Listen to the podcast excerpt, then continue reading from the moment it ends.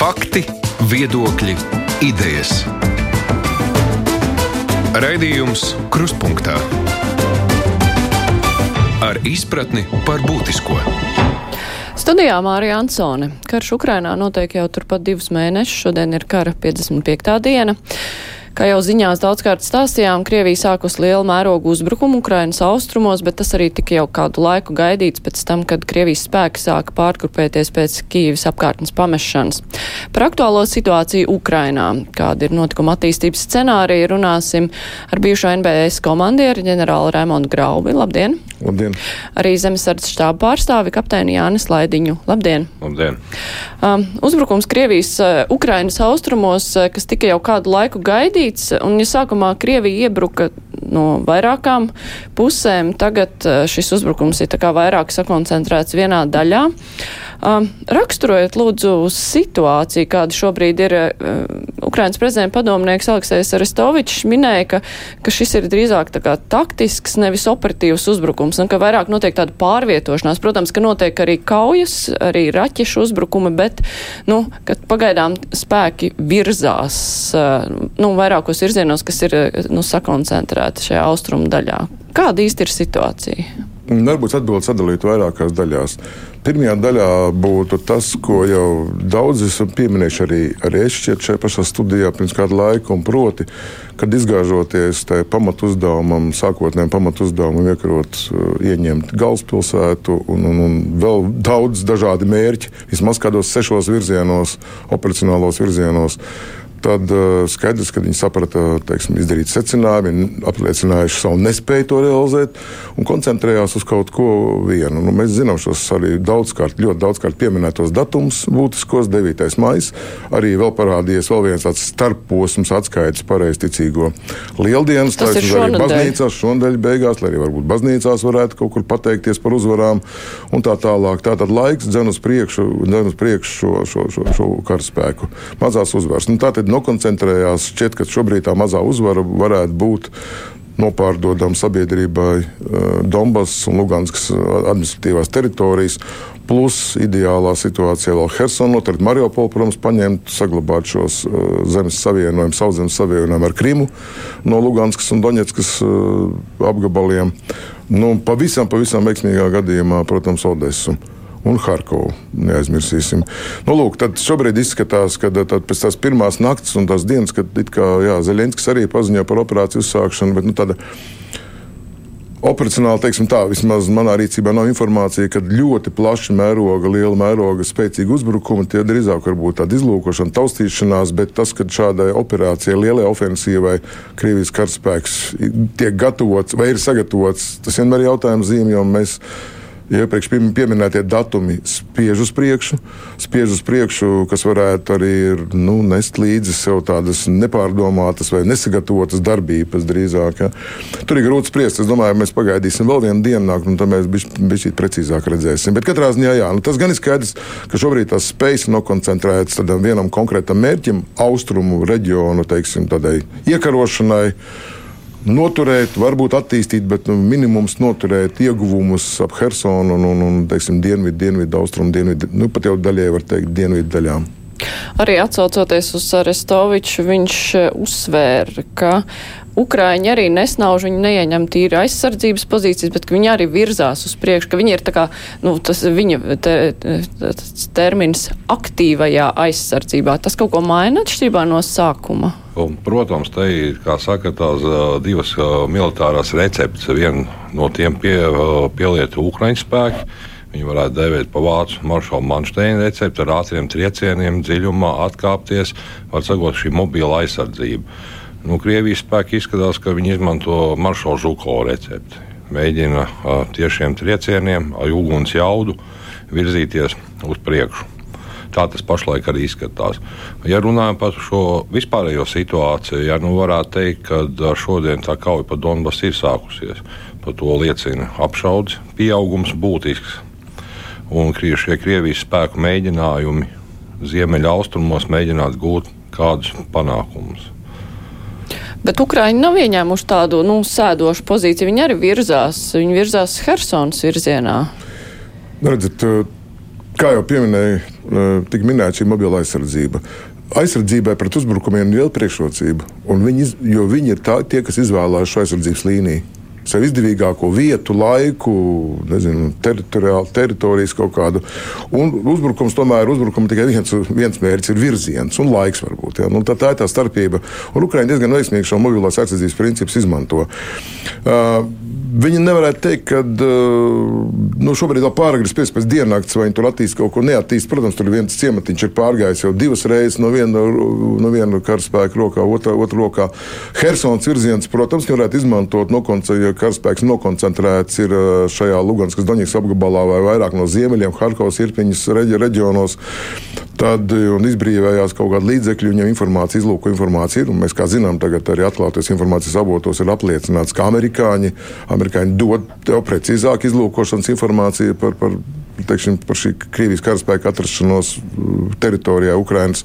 Līdz ar to arī varētu būt precīzāka informācija. Viņi varētu izmantot šo situāciju Ukraiņi. Un otrs uzdevums, protams, ir Ja pat arī varbūt viņi nespēja ieņemt katrā ziņā atturēt nu, Krievijas spēkus, tad tas, tas būtu tāds taktisks, operacionāls gājiens, no nu, vairāk taktisks patiesībā, lai sasaistītu spēkus, kuri varētu tikt pārsviesti palīgā varbūt šim dienvidu, dienvidu austrumu flangu uzbrukumam. Jo, jo paturēsim prātā, ka Krievijas tas lielais, ideālais mērķis, protams, ja mēs kartē skatāmies, tur tā veidojas tāds maiss. Nu, ja, ja šie dienvidu ziemeļu virzieni izdotos savienot, jā, nu, tad būtu diezgan sarežģīti. Tur vairāk, kad tur aizmugurē ņepri, bet, nu, es domāju, tik tālu nenonāks tādas spējas. Vismaz šobrīd Krievijai nav. Bet par to operācijas uzsākšanu, jā, viņš uzsācies, bet nu, viņš tomēr, tomēr viņš ir uzsācies pagaidām ar tādu, tādu tā, tā kā es viņu nosaucu personīgi, tās informācijas, ka manā rīcībā ir tāda izlūkošanas, tāda taustīšanas veidu, kā Ukraiņa aizstāvēsies šeit, šeit diezgan atklātajās teritorijās. Jā, tā ir vēl viena lieta, kas gan šoreiz ir nedaudz paslikta varbūt Ukraiņiem, jo, jo, jo, jo grūtāk varbūt tādu trīs km attālumu ieroču tādas kā kā, kā javelīna pielietot slēpti, piemēram. Jā. Nu, kā, tāpat jau daba viņam dos iespējas, viņi to izmantos viņa savā teritorijā, savā zemē. Tā kā, tā kā, jā, es domāju, ka es, es personīgi prognozēju, ka tā operācija tomēr vismaz tādos laikos, kā ir plānojuši, neizdosies, jo laiks dzen uz priekšu un laiks ir slikts, slikts padomdevējs. Tas ir viens. Un, un, un otrs, Ukrāņi un, un Krievi, jā, pie, pie zaudējumiem, kontaktu zaudējumiem, es apšaubīju, tu atkal atgriezīsimies pie Krievijas armijas morāles. Šobrīd tiek izmantot apšaubas vidēji tālās darbības ieroči, bet tikko ir kontaktu kontakt tā Krievija morāla, kā pierāda iepriekšējie notikumi, vienmēr ir bijusi zema. Un līdz ar to rezultāts pamesta tehnika, mēs redzam, neiesaistīšanās kaujās un tā tālāk. Runājot par Ukraiņas bruņojumu, šajos apstākļos tai ir pietiekams bruņojums, lai cīnītos.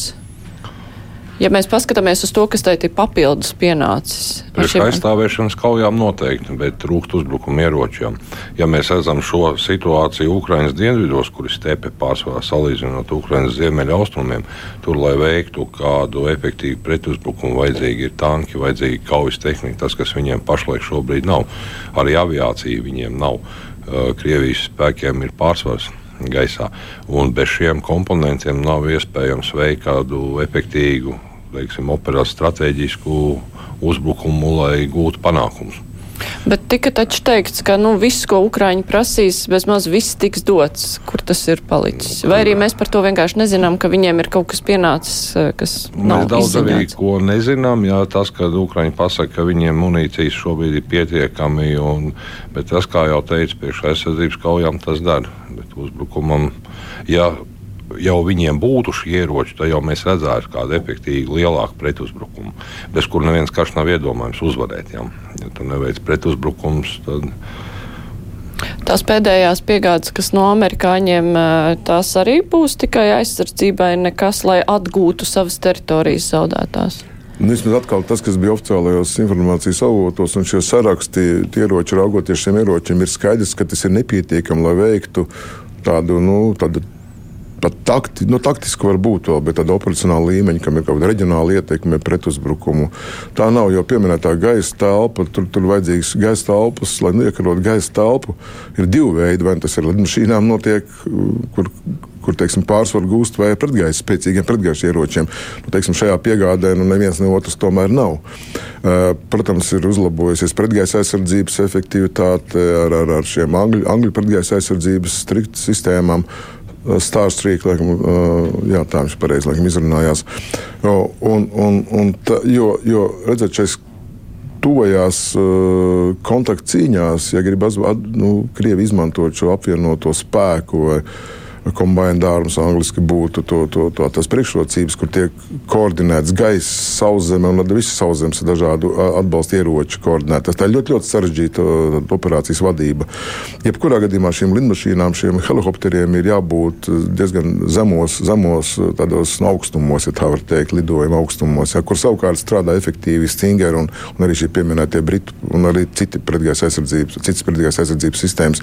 Jo tā fronte saucamā aviācija vai tā aviācija, kas atbalsta sauszemes tuvajās distancēs, viņi atbalsta no diezgan zemiem augstumiem. Nu, tas sasniedzam. Tur atkal varētu parādīties prie, prie, nu, tāda priekšrocība uh, Ukraiņiem. Kamēr, piemēram, šī aviācija no augstākiem augstumiem var bombardēt, piemēram, kaut kādas pārapgādes, Ukrāņu apgādes līnijas, kaut kur pārcelšanās pār Dņepru vai kaut kādas nu, vienību pārdislokācijas uz tiem aizsardzības rajoniem, kur viņi vēlās, kur liels kolonas, kur kolonas jāveido, gribot, negribot, viņas ir jāveido.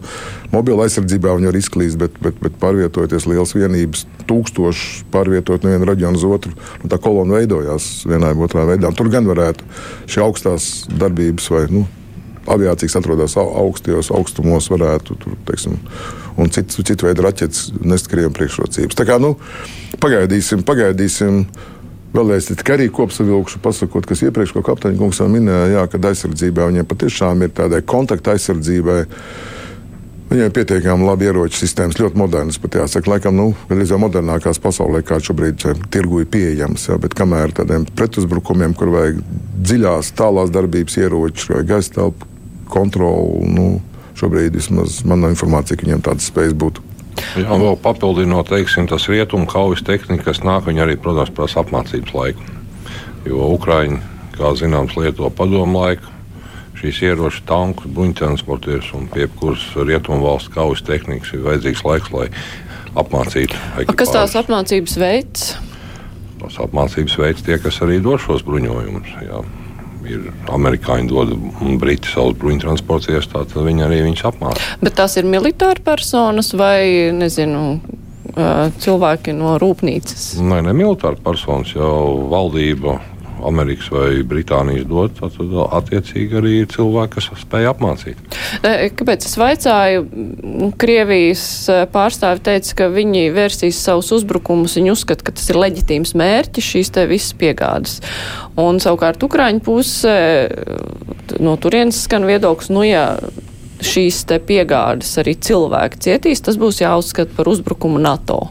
Tas tā ir traktējams, vai Ukraiņi pārāk, nu, kā, ne, ne jau no optimistiski, bet skatās uz to, nu, ka viņi pārvērtē tomēr. Nē, atbildi ir viena patiesība atkarībā no kurā, kurā kurā teritorijas daļā šis, šis ja uh, cilvēks tiks nogalināts. Ukraiņas teritorijā tur būs nedaudz grūtāk. Nu, protams, ka jebkura valsts, kuras karavīrs ies bojā, kurš tajā vietā tajā brīdī atradās šīs valsts uniformā, nevis kā brīvprātīgais cīnītājs, bet, bet ar valsts uzdevumu, tas noteikti kaut kāda iekšpolitiskās papildus debatas radīs un, un atbalstu Ukraiņai, varbūt pat lielākas sankcijas. Nu, tā būs tāda dabīga reakcija, ka mans karavīrs gājis bojā.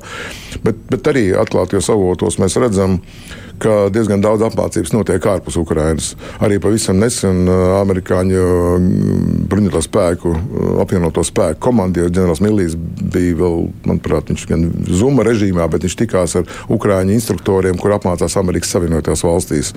Tā kā šāda apmācība notiek uz vietas Amerikas Savienotās valstīs un daudz citu valstu ražotājs. Jo viena lieta iemācīties šo varbūt nu, saprast to, kā to ieroci lietot, bet otra lieta ir šī taktiskā pielietojuma, šī ieroča taktiskais pielietojums. Tā kā viena lieta ir iemācīties, kur ir stūri, kur ir kaut kāda ieru, nu, kaut kāda nu, automašīnu vadības, teiksim, līdzībās runājot, kur ir kaut kāda vadības sistēma, kā tā mašīna funkcionē, bet otra lieta - braukt pa ielām. Tās ir atšķirīgas lietas. Tomēr. Nu, apmēram tāds arī tiek apmācīti šie cilvēki, arī taktiskais pielietojums Amerikas Savienotās valstīs, un tas nozīmē, ka arī citās valstīs tieši tas pats. Bet nu, šobrīd, kā redzam, valsts jau nu, pirmās divas nedēļas saviem tā ironizē, mēs zinājām, laikam, vislielākā pieejamākā informācija, ko katra valsts līdz vienam automātam, ko katrs sūta. Nu, mēs tā kā visi zinājām, un tagad jau nu, vismaz pusotru mēnesi laikam apmēram mēs nezinām neko, nu, vai ļoti maz.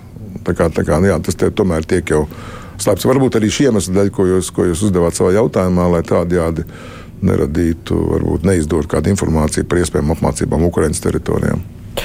Un kā ar cilvēku resursiem? Abās pusēs ir zaudējumi. Abas puses ir nogurušas, bet, nu, teiksim, kā raksturot uh, to, nu, cik dzīvā spēka ir palicis Krievijai un kāda resursa ir Ukrainai? Tāda, ja mēs runājam par Krieviju, tad um, Ukraiņas izlūkošanas informācija vēsta, ka pašlaik Krievi bruņotie spēki operē 76 batonu taktiskajām kaujas grupām Ukraiņas teritorijā. Viņi pievilka klāt vienības no austrumkara apgabala, visu kaujas tehniku, kurā, protams, nebija pirmā svaiguma, jo mēs redzam, ka Krievijas spēkiem šī kaujas tehnika sāk trūkt, un viņi tiek vilkta laukā no ilgtermiņa glabātuvēm. Bet tur arī ir problēmas.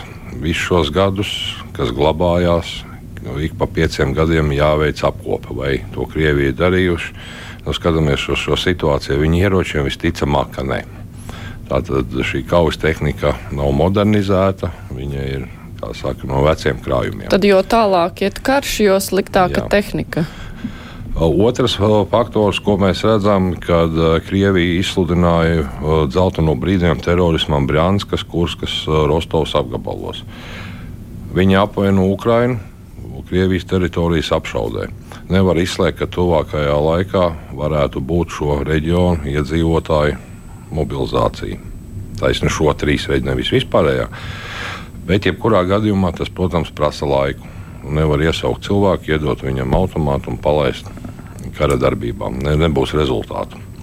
Kā, protams, šīs rezerves uh, Krievijam ir ļoti sarežģīti uzkrāt, apmācīt, lai izveidotu kaujas spēju vienību. Ukraiņa šajā gadījumā atrodas uh, nedaudz labākās pozīcijās. Cik es zinu, šīs dienās viņiem noslēdzās 25. februāra mobilizācijas pirmais vilnis. Viņi gatavi iziet uz kara darbības zonu. Tātad, un Ukrainai ir ļoti daudz um, karavīri, kas ir atrunājušies ar kauju pieredzi jau no 2014. gada. Jā, tā tad viņiem nav piespiedu ļoti daudz nāk brīvprātīgie, tas jau ir tas, ka ir kaujas gars, morāli ir augsta salīdzinot to, kas ir Krievijas pusē. Bet nevajag arī Krievu spējas novērtēt pa zemu. To nedrīkst darīt. Krievi vienalga ir spēcīgi. Viņi, kā teica viens uh, Uh, Ukrāņu brigādes komandieris. Nu, tā ir ironija. Uh, Krievu kolonas nav spēcīgas, bet viņas ir garas. Jā, to mēs varam rēķināties, ka Krievi meklēs, atradīs tos aktīvos durkļus, ko iesaistīt uzbrukumā. Kāda būs kvalitāte, to redzēsim. Es varbūt par, par, par šo par cilvēku resursu rezervēm. Protams, protams ka Krievija ir daudz lielāka, bet šeit atkal jāsadala tādās divās daļās. Pirmais ir šis straujais rezultāts, kas ir vajadzīgs šobrīd. Uzbrukums sākās tomēr ar vienu mērķi, kā es, kā es iepriekš teicu, datums, dzēna rezultātu. Diemžēl šie pieredze rāda vēsturiskā, ka tas nes līdzi ļoti liels civilos upurus un arī pašu karavīru upurus, jo tiek upurēts karavīrs kaut kādu mērķu sasniegšanā līdz kaut kādam datumam. Bet tad, tā Bet tā cilvēku daudzums šobrīd eh, Krievijas ir skaidrs, ka līdz svētkiem, 9. maijam, un arī vēl vairāk Krievijas pareizticīgo lieldienas un tā tālāk, viņš nekādus lielus eh, mobilizācijas pasākumus valstī veikt nevar. Tā viņam principā jāatzīst zaudējums. Līdz ar to tā pirmajā līmenī.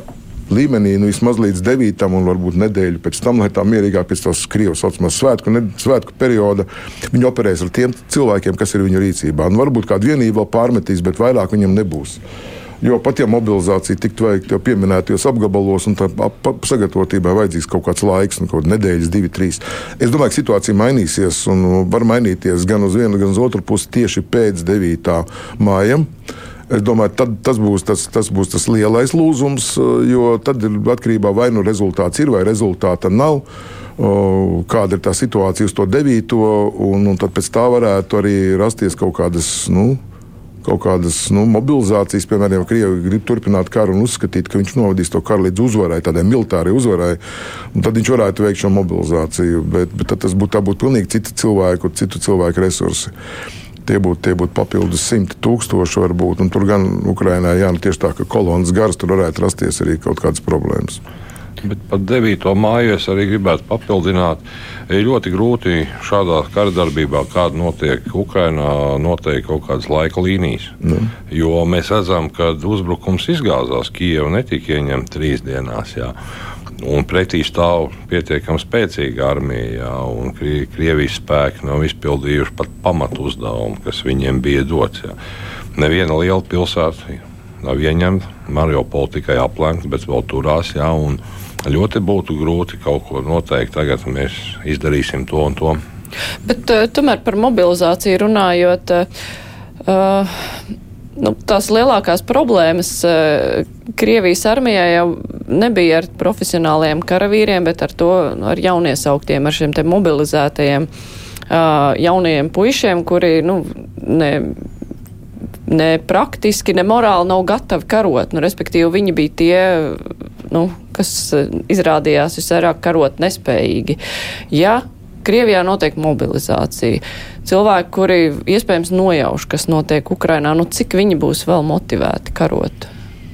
Nu, es domāju, ka uh, tas jau tieši ir tas ukrāņu stiprais punkts. Mēs jautājam par šiem karavīru daudzumiem.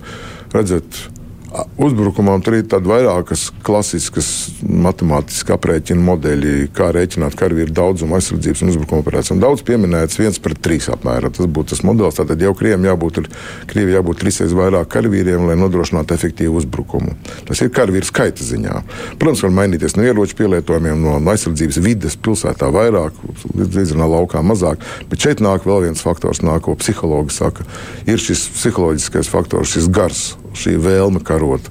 Un tur Ukrāņiem vēl pieliekās viens pret trīs, varbūt atsevišķām vienībām viens pret pieci, varbūt viens pret desmit. Par labu Ukrāņiem, kur viens Ukrāņš ir ar savu garu, ar savu varbūt desmit cilvēku no viņiem uks prom. Līdz ar to tā matemātika mainās. Un šeit gan ir stipri par labu šī matemātika, par labu Ukrāņiem. Par to šaubu nav. Tas ir apliecināts, tas ir pierādījies, un jums ir taisnība. Vienīgā starpība ir tāda, ka obligātais dienas, kas tika izmantots, nu, viņš varbūt pēc tam nokļūst mobilizācijas rezervē. Es domāju, ka viņi mēģina, cik ne pat nedomāju, es zinu, tur rakstīts arī, arī viņi mēģina uzrunāt, mobilizēt tos, kuriem ir pieredze. Tāda profesionālā dienas mm. pieredze. Tā neiet runa par obligāto dienestu vienu arī, protams, arī tos droši vien ņemt, viņš pieteiktos brīvprātīgi. Bet viņi tomēr mēģina uz, uzrunāt. Un, Un tāda daudzuma pietiekami liela. Tāpat no Eiropas Sīrijas eh, kara atvaļinājušies, pēc Grūzijas kara kāds ir atvaļinājies. Nu, arī tādas Tā kā ir apmēram zemesardzē šobrīd stājās tādi trīs piecgadnieki, ja, nu, nu, tad, tad, tad jau dzīve, dzīve redzējuši cilvēki. Tā kā, tā kā uz visu to Krievijas lielo, lielo valsti arī šādas iespējas viņiem ir. Bet morāli, jā, es domāju, ka lielais jautājums ir morāli. Un, e, tagad arī šajās kaujās uzskata izšķiroši. Mēs arī redzēsim pēc šiem kontaktu, īpaši kontaktu kaujām, kur, kur, kur Javelins sniedz, kur sniedz e, strēlnieku ieroči, lielkalibra ložmetēji kāda, kāda veida morāla būs eh, Krievijas pusē, ja viņi redzēs atkal savus sašautās kolonas. Jo, jo pa laika, protams, atgriezīsimies pie šī laika, jo tas jau atkal strādās par labu Ukrainai. Protams, ka laika līnijas nevar vilkt, tā neviens normāls vadītājs nevāk, izņemot Krieviju.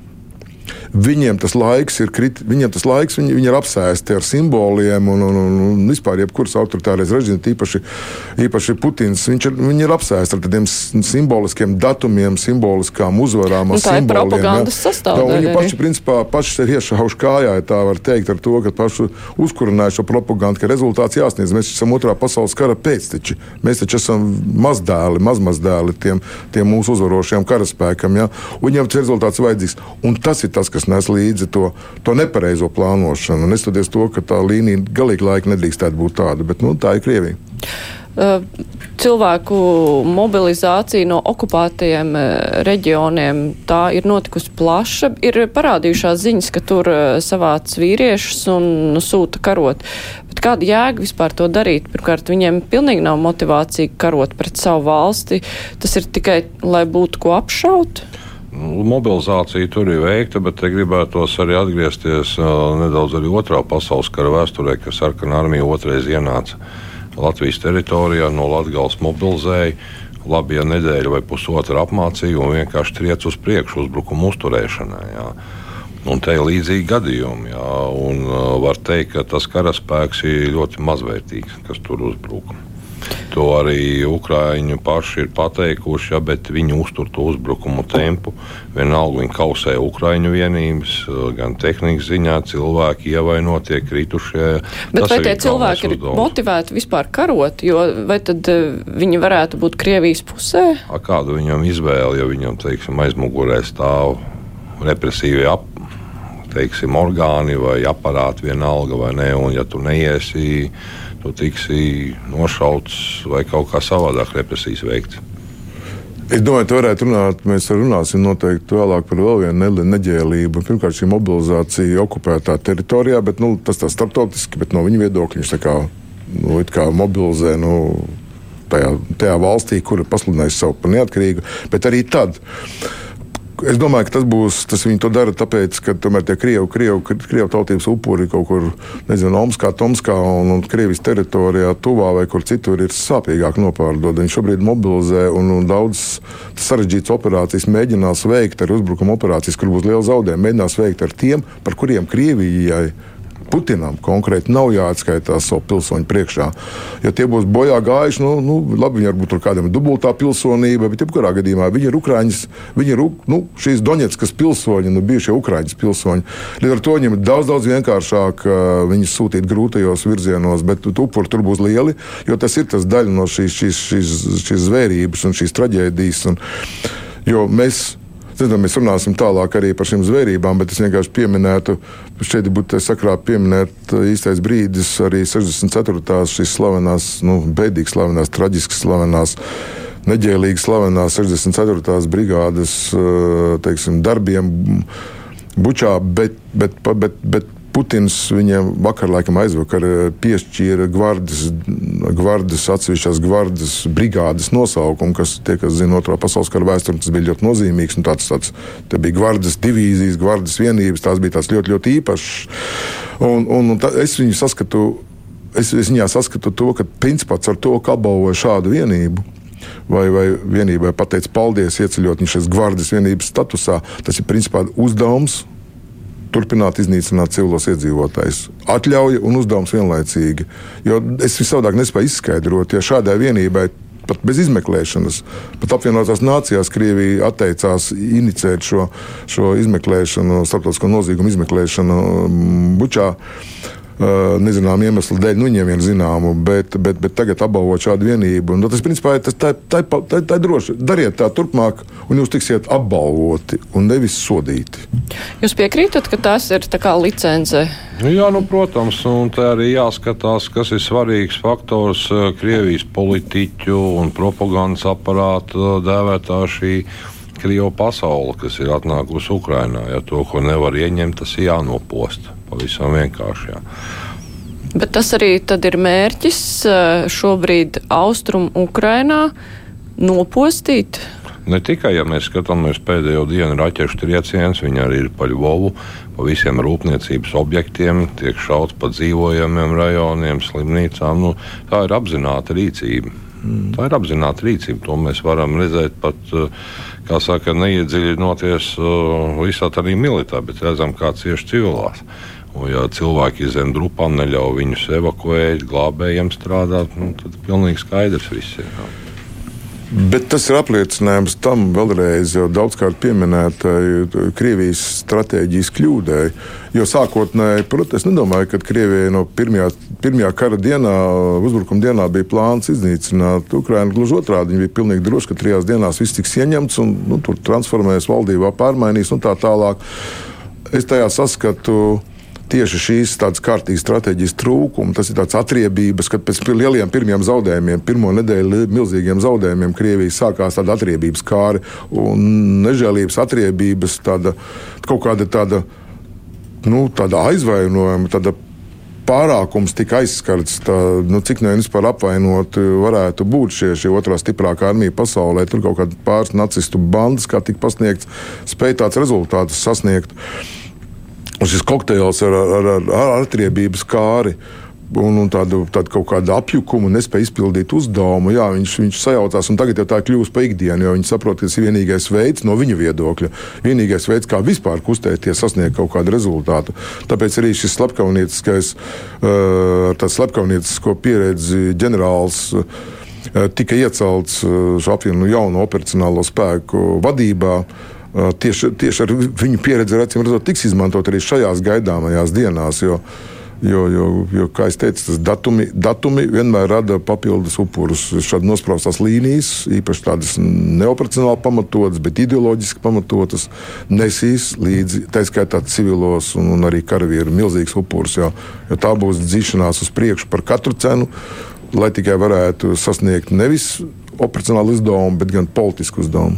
Nu jā, nu, Bučā un citās apdzīvotās vietās pie Kīvas, eh, nu, šeit eh, tas vienīgais, ko Krievijas karaspēks ieguva, tās bija cilvēku dzīvības, bet uh, Iespējams, ka runājot par Mariupolu, par ko mēs, mēs pievērsīsimies vēlāk, ka tas arī, nu, tur jau šobrīd baidās iedomāties, kas tur atklāsies, tad, kad būs redzams. Bet eh, mēs par to runāsim vēlāk. Es atgādināšu klausītājiem, ka šodien kopā ar mums ir bijušais NBS komandieris Raimons Graube, zemesardzes štāba pārstāvis Jānis Slaidiņš.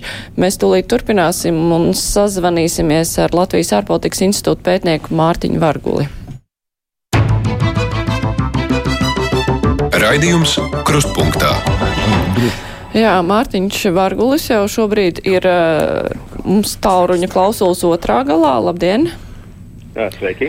Jā, mēs šeit daudz runājām par uh, Krievijas mērķiem tuvākajā laikā, par to, ka Krievijai ļoti svarīgi noteiktos datumos pasniegt kaut ko savai sabiedrībai. Bija runa par uh, pareizticīgo lieldienām, tās ir pārāk tuvu jau šonadēļ. Uh, droši vien, ka nekādu pareizticīgajiem dāvanu pēdiņās neizdosies pasniegt, ko Krievija cer 9. maijā savai sabiedrībai dot, jūsuprāt? Jā, 9. mājas un vispār simbolika ir daļa no pastāvošā Krievijas politiskā režīma propagandas sastāvdaļas. Um, es domāju, ka šīs aktivitātes, un kā arī šodien um, ārlietu ministrs Lavrovs izteicās, ka operācija ieiet jaunajā fāzē, es domāju, ka tas būs mēģinājums gūt uh, militārajā kaujas laukā noteikti uzvaru austrumu reģionos, lai pastiltinātu to, ka mēs esam sekmīgi, uh, lai gan, nu, tālu, jā, tās darbības, kas šobrīd tiek veiktas, un, un, un galvenokārt Ukrainas veiksmīgās aizsardzības dēļ, par sekmīgām mēs viņus nevaram klasificēt. Es domāju, ka līdz 9. mājam šīs aktivitātes intensēsies, bet no otras puses es arī nepārvērtētu 9. māju tādā kontekstā, ka nu, kaut vai no tāda viedokļa, ka šobrīd joprojām liela sabiedrības daļa, lielākā sabiedrības daļa atbalsta aktivitātes. Nu, mums grūti šobrīd ir iegūt leģitīmus datus, bet pirms vai īsi pēc kara darbības, jā, arī Ļevada centra dati rādīja virs 60%. Tā kā, ja būs nepieciešamība, un tāda nepieciešamība noteikti ir, proti pārdot šo kā veiksmes stāstu, tas ik dienu notiek Krievijas uh, masu mēdījos, un tas, uh, tas noteikti arī turpināsies, un 9, uz 9. māju tas tikai uh, tiks papildināts. Tā kā uh, mēs varam novērot nu jā, aktivitāšu intensifikāciju, bet, uh, bet uh, ikdienā tas uh, lielu nozīmi nemainīs, teiksim, tādā sabiedrības noskaņojumā. Nu, mēs pagaidām vēl neesam runājuši par uh, karakuģi Maskava, kas ir nogrims un nu, tāds ļoti simboliski. Sākumā Krievija noliedz, ka Ukraiņi to būtu sašāvuši, pēc tam jau tā kā atzina, eh, pēc tam tiek noliegts, eh, ka tur ir tik daudz bojā gājušo, bet eh, palēnām parādās arvien vairāk nu, radinieku un vecāku saucieni par to, ka viņu bērni tur ir gājuši bojā, vai nu, šim te, šī kuģa nogrimšanai, nogremdēšanai, tam ir simboliska nozīme, vai Krievijas iedzīvotājiem, nu, tas kaut kā tiks vienkārši noslēpts no viņa acīm? Tas jau tiek slēpts, un šī informācija arī par ekipāžu, jā, tur dažāda preturnīga informācija vai nepilnvērtīga informācija arī tā skaitā no oficiālajiem vai oficiālajām varas iestādēm. Uh, tā ir simboliska nu, no tāda militārās perspektīvas, jo nu, šīs uh, nereti tika uzskatīts par daļu no tādas Krievijas militārās varenības. Negribētu teikt simbolu, bet kā viena no sastāvdaļām. Uh, tas, kas attiecās uz šiem zārkiem, kas, kas pamazām nāk atpakaļ, un arī uh, ģimenes locekļiem, nu, te jau, jau no pirmajām dienām, kas uh, pienāca informācija, tā skaitā arī no Krievijas iedzīvotājiem, kas dalījās Telegram, kanālos ar tiem daudz strādā. Ja. Protams, ka to arvien grūtāk būs iespējams īstenot nākotnē, ja šo upuru skaits pieaugs, un to noteikti pieaugs, ja kara darbība turpināsies. Bet uh, nu, tur varas iestādes, uh, dienesti, um, nu, kas ir izlūkdienesti ar šiem cilvēkiem, ar ģimenēm, uh, strādā nopietni.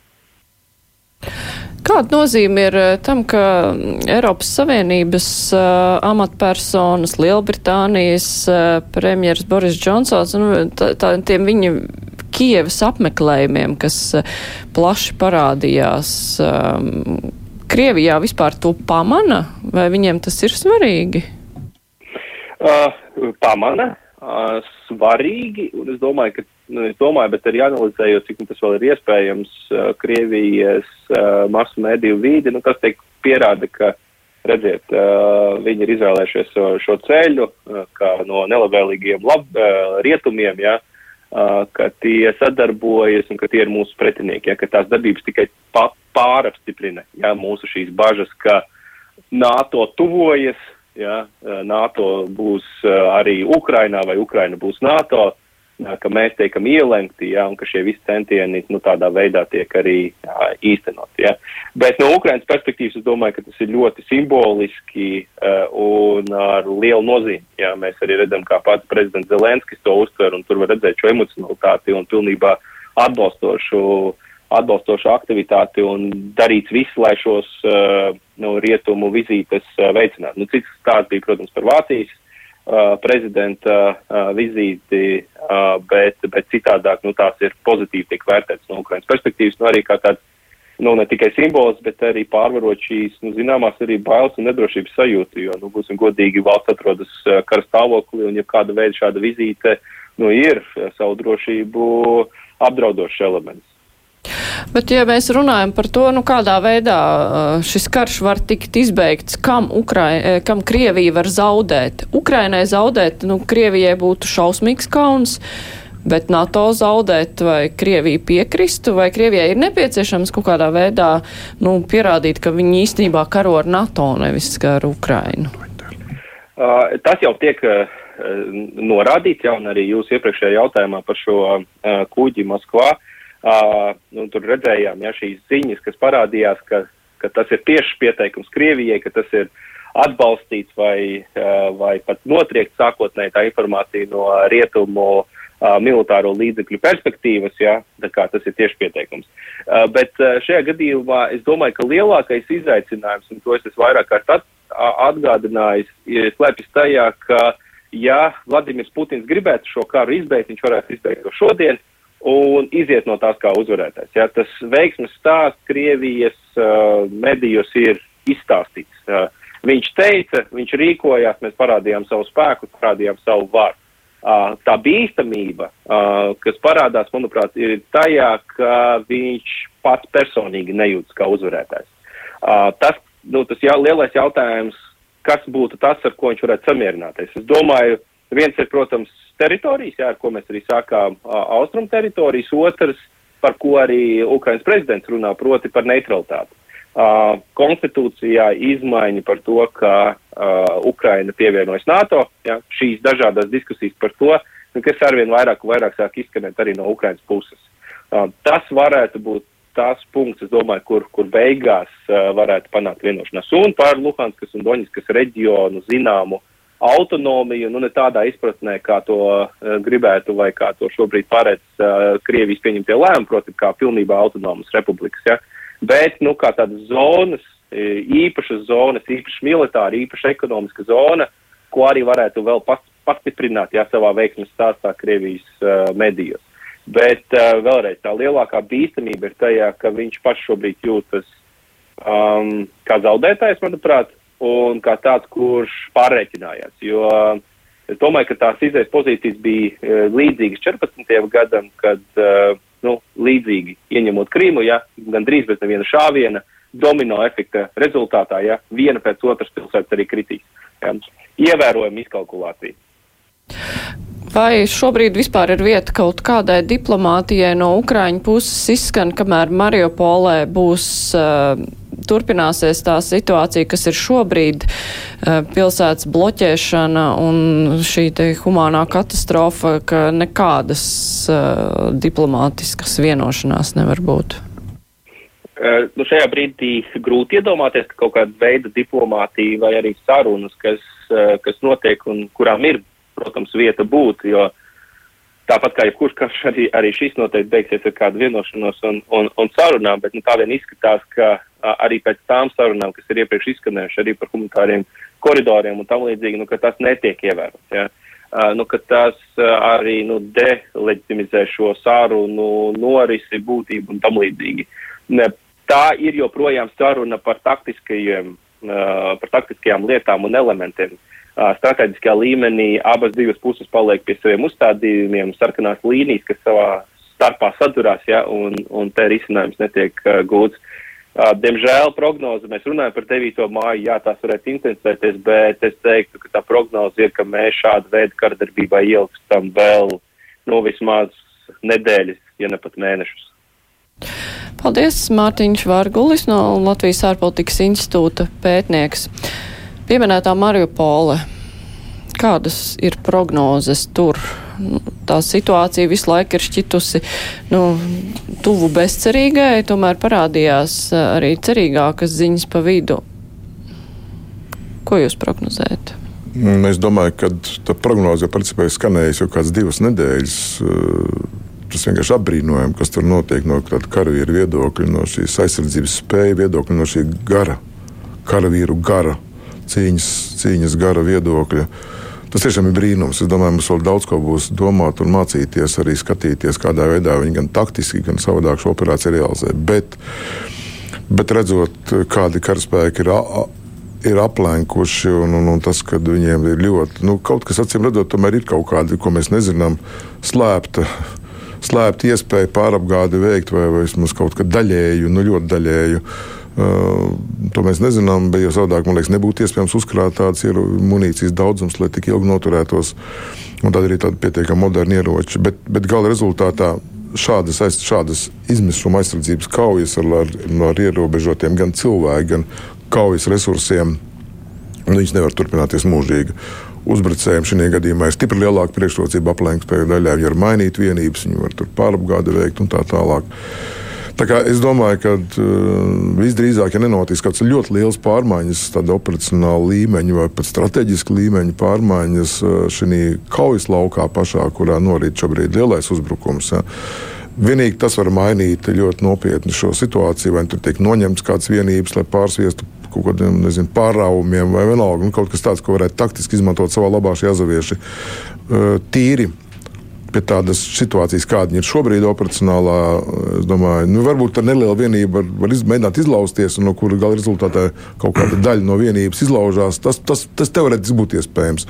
Bet, bet manuprāt, šo operāciju noturēt pilsētu tad, nu, nevarēs. Kaut gan daudz arī es to pašu teicu, nu, vismaz pirms kādām dienām, desmit desmit dienas pagājuši, un šie varoņi vēl cīnās. Bet nu, tā tīri praktiski, kas ir tā galvenā problēma? Kāpēc tur nevar būt vairāk spēku? Arī nu, šajā gadījumā, protams, atkal ir runa par uzbrukumu, nevis aizstāvību, kas būtu jāveic Ukraiņiem, ja viņi grib izspiest Krievus laukā. Nu, teiksim, ar Ukraiņu te ir par to, ko es teicu sākumā, ka uz Mariupolu tad ir vajadzīgs šis pretuzbrukums, ko viņi nav spējīgi pašlaik izdarīt lai viņi izsistu koridoru laukā. Tas prasīs milzīgus upurus, un diez vai Ukrāņu vienības ir gatavs nest šādu upuri. Dažas dienas atpakaļ Ukrāņu spēki mēģināja pievirzīties Mariupolē viena brigāde. Krievijas spēki meta pretī rezerves un nepielaida Ukrāņu šo vienību virzīšanos. Tā kā Krievija ļoti labi apzinās šo Ukraiņas mēģinājumus debloķēt šo Mariupolu. Runājot par pašu Mariupolu, par kaujām pilsētā. Kauja pilsētvidē vissarežģītākais taktikas veids, tur jābūt lielam pārsvaram. Protams, Krievijas spēki tur ir koncentrējuši pietiekami, lai viņi varētu vest šīs kaujas pilsētvidē. Turklāt aizvakar iesaistīja arī strateģiskos bumbvedējus, tātad reaktīvos strateģiskos bumbvedējus, Tu-22, kas apšaudīja šo pēdējo pretestības līgstu, tātad šo rūpnīcu Azovu, Azovstaņa nemaldos. Mhm. Pa pašiem ukraiņiem runājot par jūras kainiekiem, Azovu es pie viņiem biju 2018. gadā. Viņa galvenais uzdevums jau tad bija Mariupols aizstāvēšana. Viņi visus šos gadus tam gatavojās, trenējās. Arī pietiekami rezerves bija izvietotas noteikti pilsētā, ko mēs redzam, ka viņi gan arī divus mēnešus jau var turēties. Kā tas beigsies, ja nebūs pretuzbrukuma, kas visticamāk arī nebūs šobrīd, tas ir laika jautājums, kad viņi beigs pretoties. Jo ievainotie civilie, kritušie, visam ir cilvēkam ir savs resurss, cik viņš ilgi var to darīt. Kādas tur ir kaut kādas apgādes iespējas un, un kas tur notiek ar civiliedzīvotājiem? Civiliedzīvotāji atrodas, daļa atrodas karavīru ģimenes, kas ir atrodas šajā pašā mm, rūpnīcā, cik es zinu.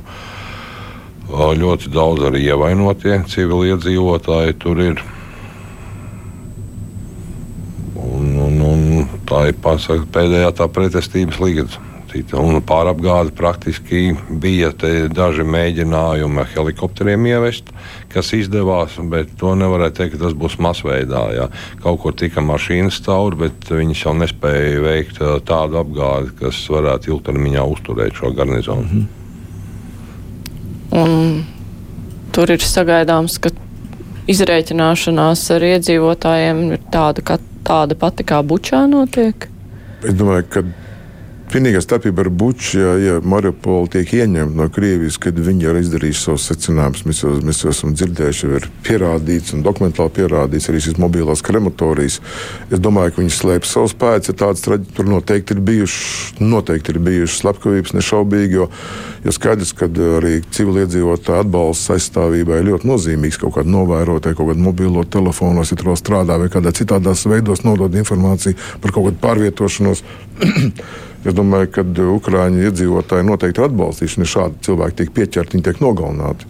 Jautājums, vai mēs uzzināsim tādā apjomā vai tādā dokumentālā pierādījuma formā, kā tas bija Bučā Jo, kā jau teicu, Krievija slēpj, viņiem, viņi mācās, viņi izdara secinājumus, un arī šajā nežēlībā, savā, savā brutalitātē viņi izdara secinājumus un varētu būt noslēpti. Ja mēs, ja Ukraiņu spēki, piemēram, kādu negaidītu, notiktu brīnums un lielu, lielu pretuzbrukumu, kur nesagatavots pretinieks ieņemt pilsētu, es domāju, tur atklātos pavisam cita bilde, un es baidos, ka viņa būtu traģismi pilna.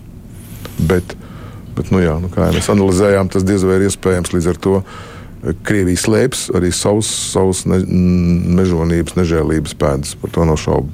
Jā, bet es neredzu te ļoti lielu starpību. Protams, buča bija tas bija uzskatāmais variants, bet nav starpība, vai artērija, raķešu triecieni tiek veikti pa dzīvojamiem rajoniem, jā, un kur tos cilvēkus pēc tam vispār neatrod. Jā. Tas ir līdzvērtīgi vai kā veikt bučā vai ar artēriju un aviāciju tiek sagrautas. Es tur neredzu lielu starp šiem kara noziegumiem. Kara noziegums ir kara noziegums. Es, varu, es viņu paprecizēšu, varbūt ja par mani, ne, par mani to komentāru. Ne, ne, es nekādā gadījumā es tikai runāšu, ka pierādīt noziegums ir tikai atcerēsimies, ka Krievijas propagandas aparāts strādā starptautiskā mm. veidē ļoti efektīvi. Melnu pa baltu padarīt viņam nav grūti. Tas, ko es biju sakot, to biju domājis, kad viņi noslēps.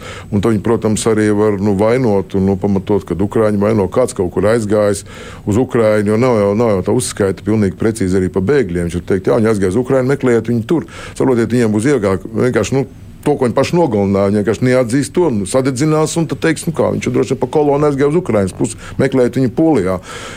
Ko te šādu veidu vienkārši meli? Jā? Es domāju, viņiem būs iespēja vairāk melot. Tas ir tas, ko es gribēju teikt. Slēpt pēdas, melot uh, savu patieso nu, nežēlības upuru skaitu. Tā, tas bija tas, ko es gribēju teikt. Un, un, bet, tad, protams, protams, mēs jau mēs pasaulē beigās uzzināsim, ja tik un tik iedzīvotāji bija palikuši tik un tik, kuri pārējie. Nu, Kaut kādu jau patiesību mēs noskaidrosim ciparisko, bet tikai pierādīt būs grūti, ka tie bija tieši Krievijas spēki. Vēl jau teiksim, svarīgi vēl divas lietas, ko Krievija piekopja. Tas ir filtrācijas nometnes, kas tiek filtrētas jo iedzīvotāji. Mēs zinām, kāds bija pēc otrā pasaules kara, kāds bija arī Čečenijā šīs filtrācijas nometnes.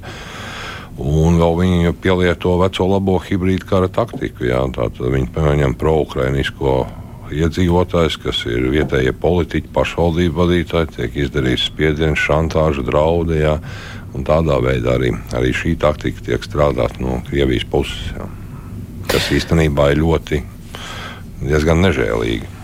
Jo nav tie cilvēki, kur ir izvest uz Krieviju, tur arī karam beidzoties ir ārkārtīgi grūti pēc tam viņus dabūt atpakaļ. Nu, kā praktiski to var izdarīt tos cilvēkus, kur atrodas jau Krievijas teritorijā? Jautājums kā cilvēkam, ja viņam nav māja nopostīta vai kas, jā, es domāju, ka daļa arī noteikti varētu palikt arī Krievijā, daļa atgrieztos. Nu, tās manas domas. Mēs, mums ir palikuši tikai pāris minūtes. Es jau sarunā ar ārpolitikas institūtu pētnieku pieminēju šo te kreiseri Moskva, tā nogaremdēšanas simbolisko nozīmi, praktiskā nozīme. Kāda Vai, ir tā? Es domāju, ka praktiskā nozīme arī ir ļoti liela. Ir, jo pirmkārt, viņš, viņa uzdevums arī Krievijas karaflotes uzdevums ir augstākā kara laikā. Uzdevums bija uh, pat strādāt ja tā var teikt, tālajās jūrās, Atlantijā un, un, un, vai, vai Klusā okeānā un vērsties pret, pret nodrošināt pretgaisa aizsardzību tam grupējumiem, kuri vēlētos uzbrukt aviācijas bāzes kuģiem. Tā tad ir militāra nozīme milzīga. Viņa arī, viņš arī no sevis varēja, viņš kontrolē pilnīgi visu gaisa telpu, ir operacionālā zonā, ja, ja plānot izsēdināt desantu vai kādas citas darbības veikt. Viņš ir tas, kas to spēj darīt, un viņš ir mobils, jo šī zonā būtu vien lai cik viņš tur uzliek, kaut kāds 70 km radius ap sevi, tas ir 140 km diametrā. Uh, un, un jau tagad ir informācija, šorīt no rīta uh, pienāca informācija, ka pārējie kara kuģi ir nu, teiksim, tā, atvirzījušies no Ukraiņas krastiem. Tā tad jau, jau, jau operacionāli jau ir ietekme milzīga. Tālāk, ja jau Krievija joprojām plānot vai plāno desantu izsēdināšanu Odesas virzienam, Viņiem tuvākā laikā tas vienkārši nav iespējams. Gan, nu, nu, ja ne gluži neiespējami, tad ir grūtāk izdarīt, jo, jo tas nozīmē, ka krasta apsardze arī šos kuģus spējas gremdēt pienākošos kuģus. Un tā tālāk. Un, jā, un atbalsta kuģi savukārt, kur atbalstīja šo desantu izsēdināšanu, neatradīsies tik tuvās distancēs, kāds gribētu. Nu, tur sākās jau taktiski, taktiski, taktiski aprēķini, bet viņa atvilkšana no šiem krastiem un iespējama desanta izsēdināšanas apgrūtināšana, tas ir, tas ir tas ir vismaz sākotnēji pats pirmais un tāds, tāds, tāds skaidrs un vienkāršs secinājums, ka jā, tas, tas ir liels zaudējums arī militāri.